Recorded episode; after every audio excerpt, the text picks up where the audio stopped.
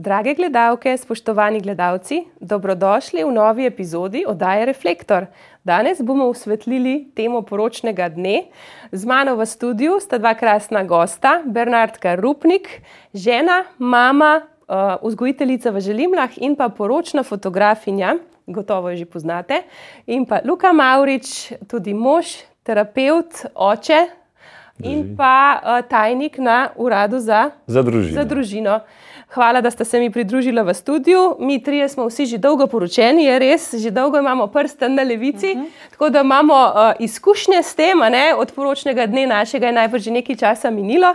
Smo pa v ta namen poiskali tri mlade pare, ki so se poročili nedavno v preteklem letu, torej imajo še zelo svež spomin, svežo izkušnjo poročnega dne in jih bomo tekom oddaje si pogledali te posnetke, njihova pričevanja in jih potem mi v studiu kot prekaljeni mački malce pokomentirali komentirali, če se strinjata. Pa si bomo pogledali kar prvi posnetek. Pari nam bodo zaupali, kako so se lotili organizacije njihovega poročnega dne, kako so se odločili glede povabljencev. Pa si poglejmo. Na začetku smo mislili, da bo povabila okrog 50 ljudi. Um, in te ljudje so bili predvsem ljudje, ki so trenutno v najnem življenju prisotni, ali pa ljudje iz najne preteklosti ni šlo za neko povezavo um, v družini ali pa da bi zaradi enega strica povabila še ostalih pet. Um, na koncu pa v bistvu smo zaradi korona ukrepov se odločili, da bomo to številko zmanjšali in nas je bilo na koncu 20. Glede same organizacije se ni nihče vmešaval, vsega, kar smo prosili, je z veseljem priskočil na pomoč, uh, predvsem starši. Uh, edino, na težavo, ki so naletela, je pa v bistvu med sorodniki, ki so sprašvali, če potrebujejo za samo, samo bred kakšen test in kako ne pridejo na samo poroko oblečeni, kar je čist brez veze. V bistvu na najni crkveni poroki uh, so povabila kar skoraj vsega, ne vsega znanca. Uh, zato, ker nama je bilo pomembno, da bi se z nama res veselili, da bi nas bilo veliko. Uh, potem se je to zaradi korone mogoče malo uh, zmanjšalo. zmanjšal, ja. uh, potem na ohceti so si pa želeli, da um, pridejo še kakšni bratranci, da nas bi bilo okoli 70. Uh, ja. Torej, da bi bila seveda Malo spet manj- mehna. Malo ne. manj so zaradi tega, ker pač sem to raste kvadratno, ker če babiš enega bratranca, moš pa vse ostale bratrance ra- povabiti, če babiš eno teto, moš vse ostale tete. Tako da so bolj manjši krok imeli in so imeli pol jih načeloma 70, ampak zaradi korone jih je prišlo 20, oziroma so še mogli bolj zožiti. Eh, Na crkveni poroki smo imeli okrog 120 ljudi, um, od katerih so jih potem 80 povabili naprej uh, na Ohcet. Uh, potem uh, tole um, civilno poroko so imeli pa posebej en teden prej, ker so imeli okrog 10-15 ljudi, se prav spomnim. Ja, glede, Ožja družina. No. glede tega, koliko eh, ljudi so povabile, na začetku uh, so mogoče imeli malo več težav.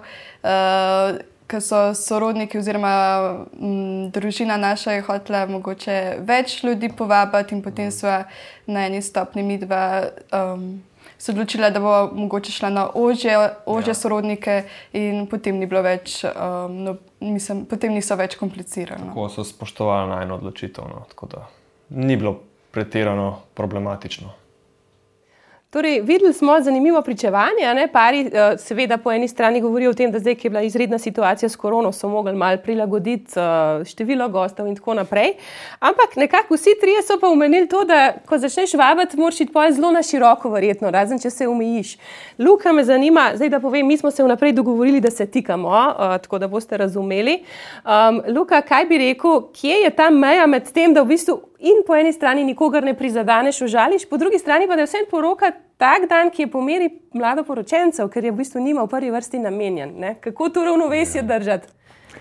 Ja, to je včasih res zelo zahtevno. Ne? In eh, zelo dobro se mi zdi, kar si rekla, da je po meri mladoporočencev. Se pravi, ne glede na to, kakšno pričakovanje imajo mogoče starši enega ali drugega, koliko jih mora biti povabljenih, koliko je tukaj ene žlahte, ki si zasluži, da jih povabimo, pa še enih prijateljev, pa znancev, ker so nas že oni povabili na poroko. Ne? In uh, je to lahko hitro zelo velika številka. In kot smo slišali, včasih um, je to na koncu, ne, ko, ko postavijo eno mejo, ožji družinski člani lahko pride tudi do številke 100, kar je neverjetno, ampak tako je. Uh, mladoporočenca morate pa res sama oceniti, koliko jih zmorete povabiti, predvsem pa kateri ljudje, uh, kateri ljudje si zares želite, da so na ta dan prisotni zraven, da jo spremljajo, da jo povabijo v ta najlepšo, najpomembnejšo odločitev, ki jo spremete v življenju, da si boste zvesta, da se boste ljubila, spoštovala od tega dne naprej uh, in koga želite imeti ob tej, um, besi, tej odločitvi, ki jo spremete ob sebi.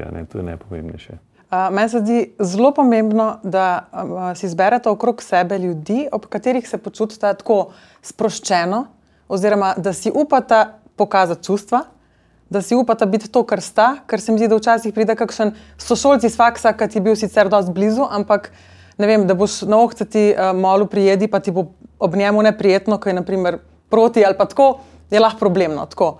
Pa gre za goste in hkrati tudi za ekipo snemalcev, fotografov, muzike, vseh teh ljudi. Ja, ko sem se jaz poročala, se spomnim, tudi je bila ta dilema, koliko na široko, koliko povabiti. Na koncu je bilo zelo veliko ljudi na crkveno poroko povabljenih in pol na tisto zakusko tega res že dolgo ne, ampak ok, se še spomnim.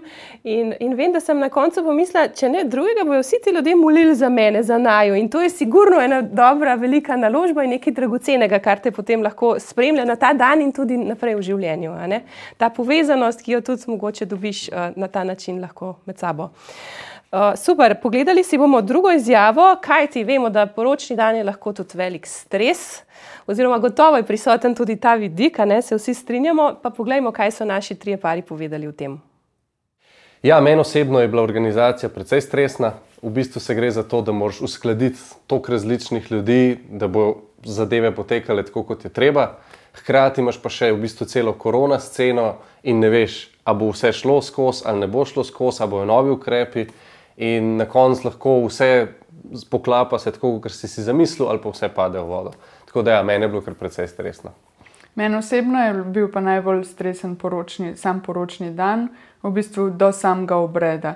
Ko, je, ko se je začel obred, je meni pa vse dol padalo in sem se čist sprostila in dejansko sem zaživela moj dan in je bil to najlepši dan. V bistvu ne vem, ali je bila organizacija stresna, ni bila stresna, zaradi tega, ker mi smo se poročili v času korone. In pa je v bistvu ta korona vsta stres uh, požrla, in niti nisem imela vem, časa, možgano, da bi se za kaj drugega sekirala. In uh, vem, jaz, na primer, sem šele par dni pred poroko pomislil, hej, čakaj, kaj pa če vreme ne bo v redu. Prej sploh nisem mislil na vreme. Drugač, pri sami organizaciji so imela pa kar veliko pomoči. Um, tako se mi zdi duhovne, kot pa tudi um, same fizične. Uh, uh, so nama pomagali starši, oboji starši in pa seveda najni prijatelji. Sam poročni dan ni bil preveč stresen, malo je bilo tiste treme, zdrave, ampak um, ni bil pa, da bi rekla, zelo stresen. Mi dva sva že prej, par mesecev prej, veliko uh, dela uh, preložila na najne sorodnike, družino pa uh, prijatelje. Uh, in potem pač uh, smo mi imeli res najosnovnejše za delati. Tako da um, mislim, da je pomembno, da veliko dela preložiš, uh, da se obkrožiš s takimi ljudmi, da ti pomagajo in veliko dela tudi na njih uh, preložiš, ker potem je sam poročni dan dosti manj stresen in lepši in se res lahko posvetiš temu, za kar je poročni dan namenjen, torej nama in uh, crkveni poroki. Meni je bilo stresno samo na začetku poroke. Jaz sem se precej potil, ampak tekom samega poteka crkvene poroke sem se sprostil, uh, sem nehal švicati, pa sem se začel tako zelo dobro imeti in sem se začel zavedati zelo lepega dne, ki se dogaja. Lušna pričevanja so se človek malo nasmeji, nekdo se je potil in je to kar priznal, potem je rekel: Ja, meni je bila poroka kar precej stresna. Ne? Gotovo je to en vidik. Bernardka, glede na to, da si imela že ogromno porok za sabo, od svoje lastne do vseh, pri katerih si prisostovala profesionalno, kaj bi rekla, se ta stres opazi, se vidi, kako se z njim pari spopadajo, imaš kaj še na svet mogoče? Na svet mislim, da so že zelo dobro pari povedali. Um, Bi pa mogoče to osvetlila. No? Se mi zdi, da zakaj do tega stresa pride. Pač jaz sem bila tudi zelo živčna. Um, se mi zdi, da do, za poročni dan imamo res zelo, zelo visoka pričakovanja. Pač to čakamo že sploh punce od malega, ki so mehne punčke, gledajo ne veste. poroka, to je višek. a ne. In če so visoka pričakovanja, potem se bojimo nekih generalnih takih razočaranj. ne. In mora biti vse popolno in potem. Um, tako, mogoče res to, kar so rekli, da, da stvari uh, že prej dobro načrtujemo, uh, da stvari uh, preložimo na druge, tako da ti dan v bistvu prepustimo, da gre tako, kot gre, in pač pustimo tudi, da mogoče gre kaj mal drugače, kot smo si točno zamislili. Druga stvar, ki se mi zdi, da je pa tudi zelo lahko stresna, je pa to, da si pač v središču pozornosti. ne. To se mi zdi, da imajo pa tako po izkušnjah večkrat moški težave. Tako da, da so kar za poroko niti ne bi odločili, ker ojoj, vsi me bodo gledali cel dan. In ne, res je tako, tudi eh, vidim, a ne nevesta pride recimo ven in potem kar noben se ne upa pristop do nje, ker ona je tako, nevesta. Ne? In je pač na nek način mal, mal tak lahko nelagoden občutek, ampak se mi zdi, da tekom dneva res tako, kot so tudi pari rekli, da potem uh, se počasi prevadaš in je vedno bolj sproščeno. Pa pač uh, povedati moraš za obljubo, ne recimo na pamet, pa lahko ti je že to, če ti je javno nastopanje stresno, um, je tudi to pač uh, lahko en tak naporen trenutek, ampak po drugi strani se mi zdi, da uh, res občudujem pare, kako se uspejo sprostiti in predvsem tiste, ki se gledajo v oči in tako res vidiš, da, da mislijo resno. No? Tako, to. Super. Verjetno so te stresne okoliščine malo tudi odvisne od temperamenta, ne, našega karakterja. Nekateri, ki so introvertirani, pa ne marajo veliko ljudi okrog sebe, je verjetno to nek dogodek, kjer morajo res stopiti iz svojih okvirjev, je zato toliko težje. Um, Luka, kaj bi rekel, kaj svetuješ tistim, ki jim je poroka že v sami ideji tega, da jih bodo, kot rekla Bernardka, gledali drugi, mogoče tudi malo ocenjevali, skratka, da bodo tam mogli na pol mečka nastopati. Kaj bi rekel za take, kako ne se kako naj se mentalno pripravijo. ja. Ne vem, če bi obstajal kakšen trik, bi bil verjetno vreden milijon evrov, ne? ker bi ga potem hitro lahko tako le prodal. Um, stres je, si povzročimo v glavnem sami, zaradi naših predstav, kako mora vse potekati. Uh, stres nam lahko povzroči tudi pričakovanja drugih, to so naši starši ali pa kakšni prijatelji, sorodniki, kako in kaj mora biti, od rož, ki so v cerkvi, pa to pogostitve, katera muska, vse, vse do potankosti. In če smo preveč obremenjeni s tem, da bomo zdaj druge razočarali, da, da njihova pričakovanja ne bodo dosegla tega nivoja, ne, smo seveda res pod hudim stresom. Ne. Pol pa smo slišali tudi stres ali neko absolutno pozornost temu, da bomo zadostili vsem ukrepom eh, za protikoronsko zaščito. Ne? To je še neka dodatna stvar, ki zelo lahko obremeni, da so tam še pod recimo, strahom, da pride inšpekcija, pa se pokaže, da ni neštima. Ne? Kaj lahko naredite? Predvsem to, da si rečete čistko, ali lahko to na en dan, ali si lahko prvoštva da ne gre tako, kot so si mi dva začrtala na papirju, da se preprosto sprostiva in da sva pri stvari. Pri stvari. To je naj dan, a si smeva dovoliti, da ga vzameva tako, kot nama paše. Ne glede na to, kaj bo teta rekla. Ne, ne glede na vse ostalo. Ja. Tud, glede, glede na to, ja. Ja, mlada poročenca uh, sta res tako srce tistega dneva. Ne? In če si želite, da bi se svati imeli dober, se morate najprej on dva imeti dober. In če bi rada, da se zvečer noro zabavajo, se morata on dva. Tako. To se mi zdi, da je, da je zelo, da je zelo pravilno. Oziroma je nalezljivo, verjetno, ne, to razpoloženje. Super. Zdaj, včasih pride na poroki tudi do kakšnega zapleta, tudi, tudi to se zgodi. Vem, tako, ker smo že zdaj malo nakazali, načrtuješ, planiraš, vsega pa nimaš pod nadzorom. Poglejmo, kaj so rekli naši pari, kaj se jim je kaj zalomilo in kako so potem zadevo rešili.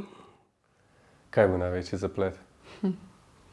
Jaz mislim, da frizerka pa kozmetičarka. Oh, Ta kozmetičarka je bila pa totalna štala. Mišljeno je bilo, da bo do dveh že vse dokončala, tako najkasneje do dveh, ampak je potem ona vlekla tam do enih 15 do 3. In jaz zunaj čakam, prešvican, slikam šopek, slikam vem, tam kozovcu, vse živo, ampak njih pa še zmerijo od nikjer. Samo bred se je začel ob treh, mi smo bili s fotografom zmenjeni ob pol dveh, da bi se predtem malo fotografirali, da bi se potem lahko v polnosti posvetili svatom in pač te, teh slik ni prav veliko kratal. Mi dva sta se poročila oktober 2020, to je bilo tik pred začetkom drugega vala karantene, vse se je začelo zapirati in sploh nismo vedeli, da se bo lahko poročila. Ja, tako kot je Jan rekel, 14 dni pred najno načrtovano poroko um, so začeli govoriti, da bodo zaprli spet celo državo, in mi dva sva takrat v taki paniki, oziroma zdaj vidva tudi, da je bil to božji dotik. Sva začela razmišljati o tem, da bi najno poroko predstavila za en teden prej, kar je pomenilo v bistvu dobesedno, da bi se potem poročila že čez tri dni. In v bistvu takrat nismo vedeli, kaj bi naredili, sva se slišala po telefonu, sva zmolila svetmu duhu in pa so začutila en tak mir, da je prav, da so to naredila. Tudi, ker so šla do najnih družin, so nam vsi izkazali res tako iskreno, presenetljivo, veliko podporo, tudi vsi prijatelji, vsi bližnji, vsi so nam ostali v strani. Ja, in tako so res začutila, da so naredila tudi tukaj pravo odločitev, uh, da je sveti duh nekako vse vodil. Ne? Ja, vse se nam je izrihtalo, največ tudi, da smo imeli v bistvu še s fotografom.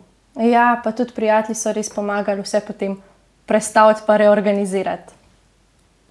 Nekih strašnih zapletov, hvala Bogu, nismo imeli. Mogoče edino uh, tak zaplet, ki se ga zdaj spomnim, je bil okrog sedežnega reda, ker pač, ko so bile mize postavljene, ne, je bilo treba nekako sorodnike spraviti skupaj, pa dati skupaj tiste, ki se dobro zastopijo, pa dati na razen tiste, ki se mogoče ne zastopijo dobro. In to je bilo pol, uh, kar velik dni je šlo, ko sem premetaval te sedeže. Pa, kam bi koga dol, pa bla bla bla. Um, nisem z moje žlahte, bilo mislim, da ima več problemov kot z metino. No. Uh, ampak nam, nam je rad ali pa to zrihtati, no, da so bili vsi zadovoljni. Torej, lepo iskreno, kako pari iskreno povejo. Torej, ja, težave so lahko tudi sedežnim redom, koga skupaj posest, koga narazen, da se ne bi kdo sporekel s tem, mogoče celo od družine. Vemo, ne, vse sorte je tudi v naših družinah, zakaj bi se pretvarjali, da vse štima. Tako da mislim, da je poroka res en tak dogodek, kjer se po dolgem času morda sorodniki spet na kupu zberejo. Vse veste, ponovadi se na porokah, pa na pogrebih srečujemo, ne? tako res širše sorodstvo. In je verjetno ta dogodek obremenjen tudi malo mal s tem, ne? Je tudi zaradi tega malo pod določenim pritiskom. Kaj potem so še rekli, Bernardka, da so s fotografom zapleti lahko? uh, Z mano nikoli, ja, se ste hecom. Seveda, ja. Ja, uh, torej, kaj, verjetno si je treba veliko časa vzeti za fotkanje, ali kako je s tem? Odvisno. Zdaj, tako se mi zdi, da sem tudi že prej, ko, sem, ko so se moje prijateljice poročale, ali pa jaz, pa tako. Um, sem imela pač izkušnje z različnimi fotografi, snemalci in tako. In se mi zdi, da generalna razlika je v tem, ali, um, ali je fotograf v službi, ni v dveh, ali sta ona dva v njegovi službi. No. Tako se mi zdi, da si on vse začrta, kako in kaj mora biti in se mora prilagajati. Jaz, jaz si vedno želim pač ob večerni svetlobi uh, fotografirati in poskušam jih tako le zlobirati, da bi si tako organizirala dan. Ampak če ne, v redu. Pač, Želim, da se imata on dva dober in, in tako. No. Ker se mi zdi, da nekateri pa pač tako forsirani in potem dodatno lahko so zapleti. No. Si pa ti kot fotografinja verjetno cel dan s parom in najbrž marsikaj vidiš. A si bila tudi priča kakšnim takim zabavnim štorijam, je šlo kaj narobe, tik pred zdajci in tako naprej? No, lansko leto je bilo leto trganja um, oblek. Tako da to smo, čisto vsake roki skoraj so šivali in to, to je bilo tako zanimivo. Ali pa celo ta podloga se je sred maša tako dol zlezla. Ali pa podvezica, tam, kjer so brale zahvale, je padla dol. Um, tako da je bilo pač vedno je bilo zabavno. No? Malo tudi je lahko povzročil stres. Um, pa na eni poroki je bilo, recimo, ko pevka ni prišla pet na civilno, in potem zadnji trenutek so pa reševali in so potem v bistvu iz crkvene te, ki so bili potem zatem, uh, oni pa to zrihtali, so vse rešili. Ampak je bilo pa mogoče malo tako občutek, ne? tišina, pa greš tako, kot da bi šel na pogreb skoraj. Tako, taka stvarina. Eh, super se mi zdi ta poudarek, recimo, ko je, ko je en par omenil, torej uh, sta mogla predstaviti poroko tik pred zdajci en teden prej, kar vemo, ni tako enostavno, ne glede na vso organizacijo, in sta kar zmolila ne, in, in, in sta potem prejela nek mir in sta zaupala, da je bilo to prava odločitev. To se mi zdi zelo lep poudarek. To je neverjetno. Meni so šli mravljinci po koncu, ker sem to slišal. Ker to je v bistvu to res, da verujete, da Bog je z njima pri tej odločitvi, da nista sama in da se lahko naslonite na njega, da ni zdaj treba mrdično iskati, pa ne vem, kaj vse rešiti, mozgamo, mozgamo, razmišljamo, računice delamo, eno, drugo kalkulacijo. Ne? Ampak da se prepustite temu, da je v svet ga duha povabiti, pa ga malo vprašava, ali je to dobra odločitev. In je prišel mir. In sta samo sporočila, še malo preverila, v redu bo šlo, krasno. Ne? In če s tako um, držo, vstopata v zakonsko življenje, to je nekaj najlepšega. Veliko več kot pa če je crkva ne vem kako okrašena z ne vem kakšnimi rožcami, trakovi, imenitna glasba, ansambl, top. Ne? Ampak če, če manjka ta notranji mir, pa ta oglašenost med njima, potem je vse ostalo res zgolj neka zunanjost. Ne? Um, tisto, kar iščemo in si želimo v življenju, pa v bistvu ta uh, mir, ki, ki nas lahko povezuje. In ga prejmemo, ne, če zaupamo. Ga prejmemo, če prosimo za njega. Super. Uh, pogledali si bomo še malo, kako je bilo kaj z temi običaji in tradicijo. Vemo tudi, da poročni dan v našem uh, prostoru uh, ima za sabo tudi določene običaje, ki se jih pari lahko držijo ali pa ne. ne govorimo o postavljanju mlaja, o fantovščini, dekliščini, šrangi, če se kar tako izrazimo, ne pogovorno. Pa poglejmo, kako so se pari glede tega odločali, pa morda potem še to malo pokomentiramo. Običajev nismo imeli. Uh, jaz si niti nisem želel imeti mlaja, šarange itak ne, uh, in ta pač želja mi je bila tudi izpolnjena. Mogoče smo mislili, da bo imela bolj tako kakšno fantošno ali pa deklišno, bolj v pravem stilu, ampak zato itak ne bi, ne bi bilo možnosti takrat, ker je bila korona uh, še v takem razmahu. Um, tako da na koncu smo se v bistvu odločili samo za crkveni obred in to je bilo nekako to. Pa izdelavo vabil. Pa izdelavo vabil. Sama sem naredila vabila, oblikovala, dala so jih samo tiskati. No. Tako da to je pa to. Od tradicije so v bistvu obdržali tisto, kar se nam je zdelo najbolj smiselen, tisto, kar se nam je zdelo najbolj pameten, tisto, kar se nam je zdelo, da ljudi povezuje. Naredila sva um, sama vabila, ta vabila so tudi osebno razdelila povabljenim, imela so fantošno podeklišno, ker so bile to eno tako lepo druženje pred porokom. Veliko nam je pomenila tudi ne, crkvena poroka uh, in sva vse mašne dele skušala razdeliti med najne prijatelje in družino, in nam je to tudi uspel. In so bila vesela, da so bili oni tako zelo vključeni.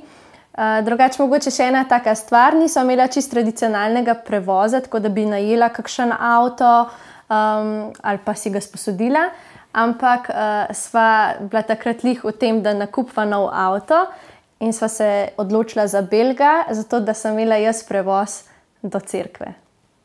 Meni so punce pripravljali dekliščino. Ja, jaz sem pa dobil fantošno.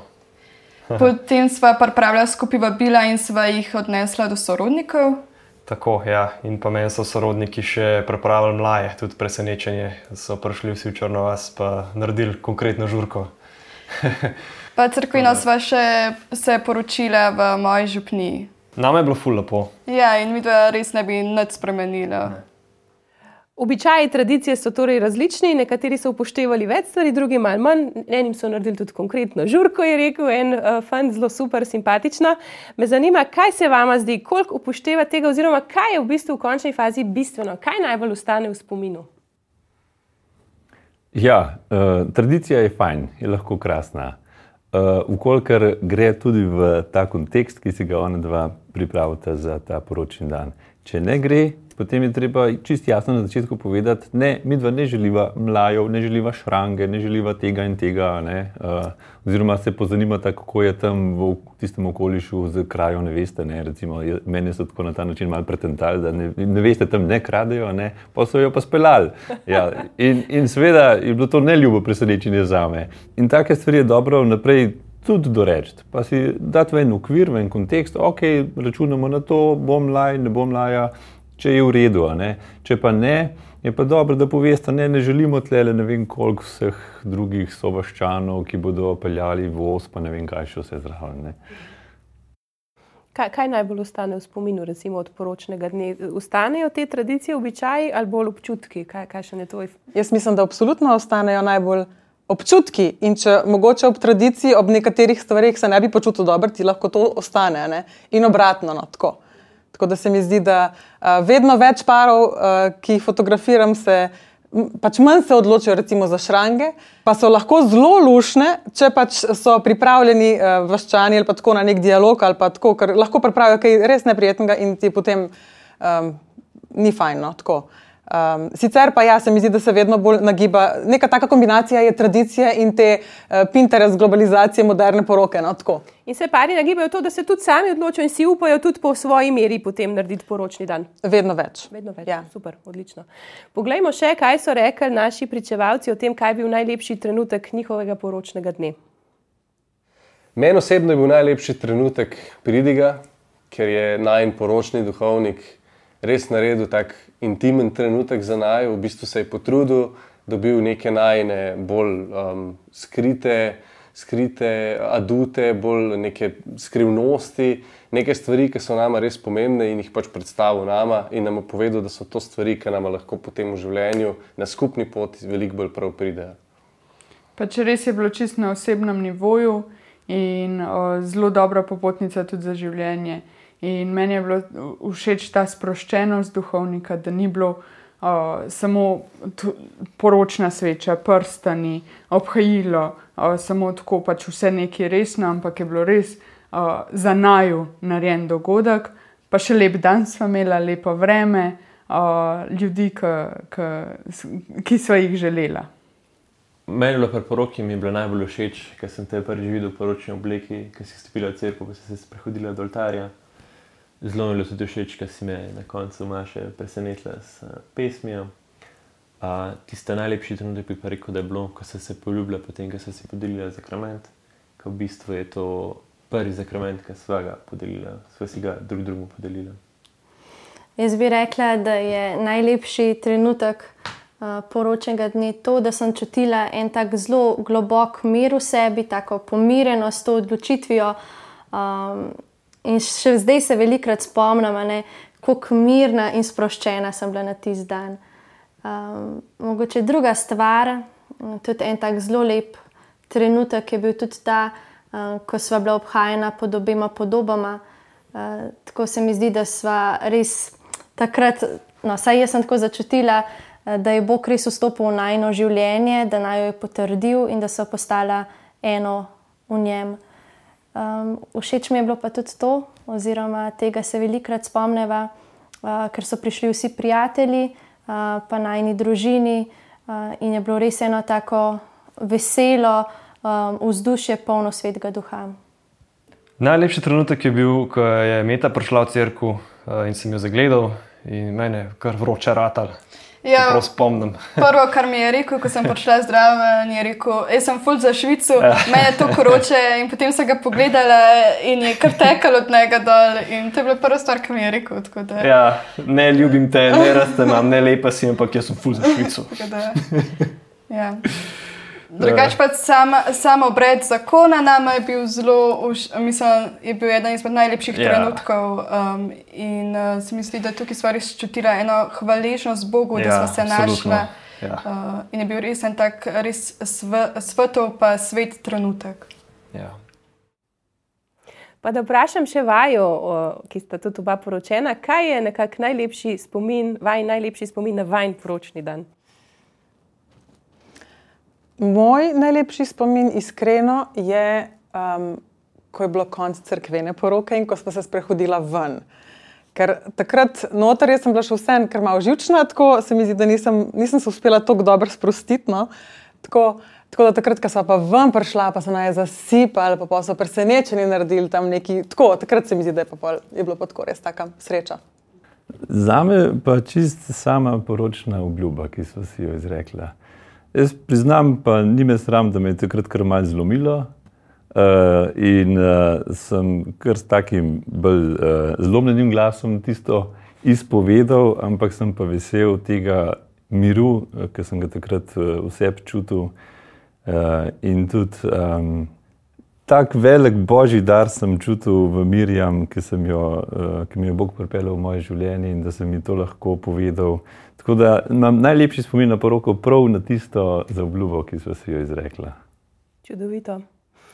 Meni se včasih morda zdi malo podobno, da poročni dan je uvod v zakonsko življenje, tako kot je mogoče porod šele uvod v potem življenje z otrokom. Uh, tako da morda da tudi z, te, z tega vidika gledamo na poročni dan, da je to nekaj izjemno pomembnega, se pa na nek način z njim morda tudi šele začne, če, tako, če se tako izrazim. Uh, kaj bi pa še vidva rekla, še zadnje vprašanje, da vam zastavim, kaj je bistvo poročnega dneva, na kaj kaj ne imamo v glavi, poleg vseh tehničnih, organizacijskih detajlov, o katerih smo danes govorili, kaj je bistvo, kje naj bo naš fokus. Jaz mislim, da fokus, ne veste, mora biti na ženinu in obratno. Tako, ker to je tudi tisto, kar nam po poroki najbolj ostane. Možu žena in ženi mož. Tako. Tako da se mi zdi, da, to, da, da veste, zakaj ste tam, da niste tam zaradi troš, pa zaradi muske, pa zaradi fotk. Pa, pa piškotov, ampak uh, zaradi ene tako generalne, zelo globoke odločitve za celo življenje. To.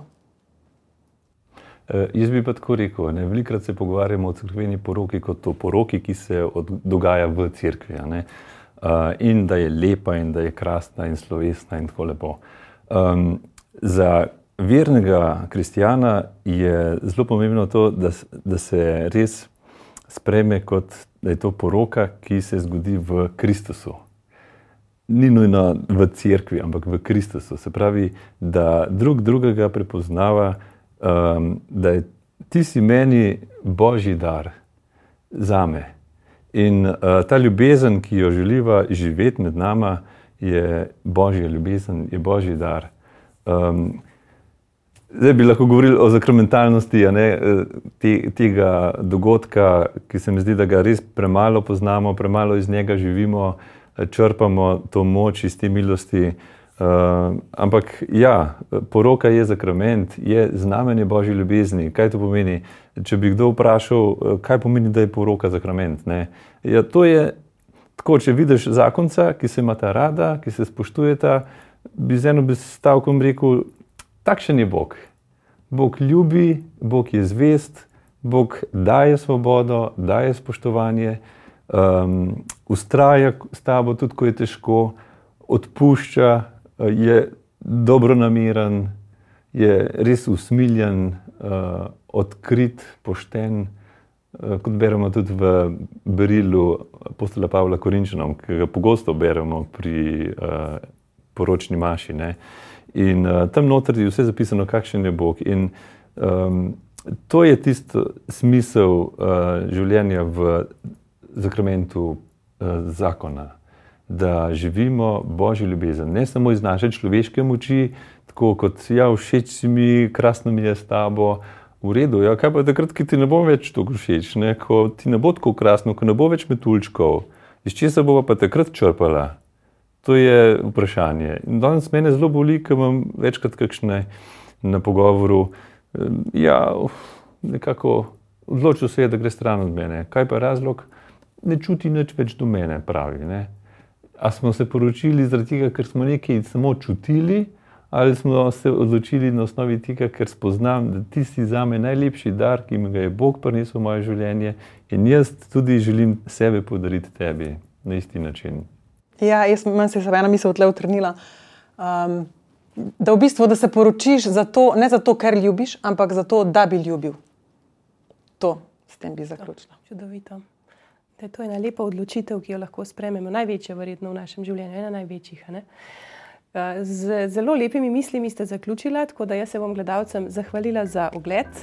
Če se kmalo poročite, če načrtujete poroko, vam želimo pri tem vso srečo in veliko blagoslova. Ne pozabite všečkati našega profila na Facebooku, Instagramu, YouTubu in se naročiti na naše objave, da boste na tekočem. Hvala in srečno!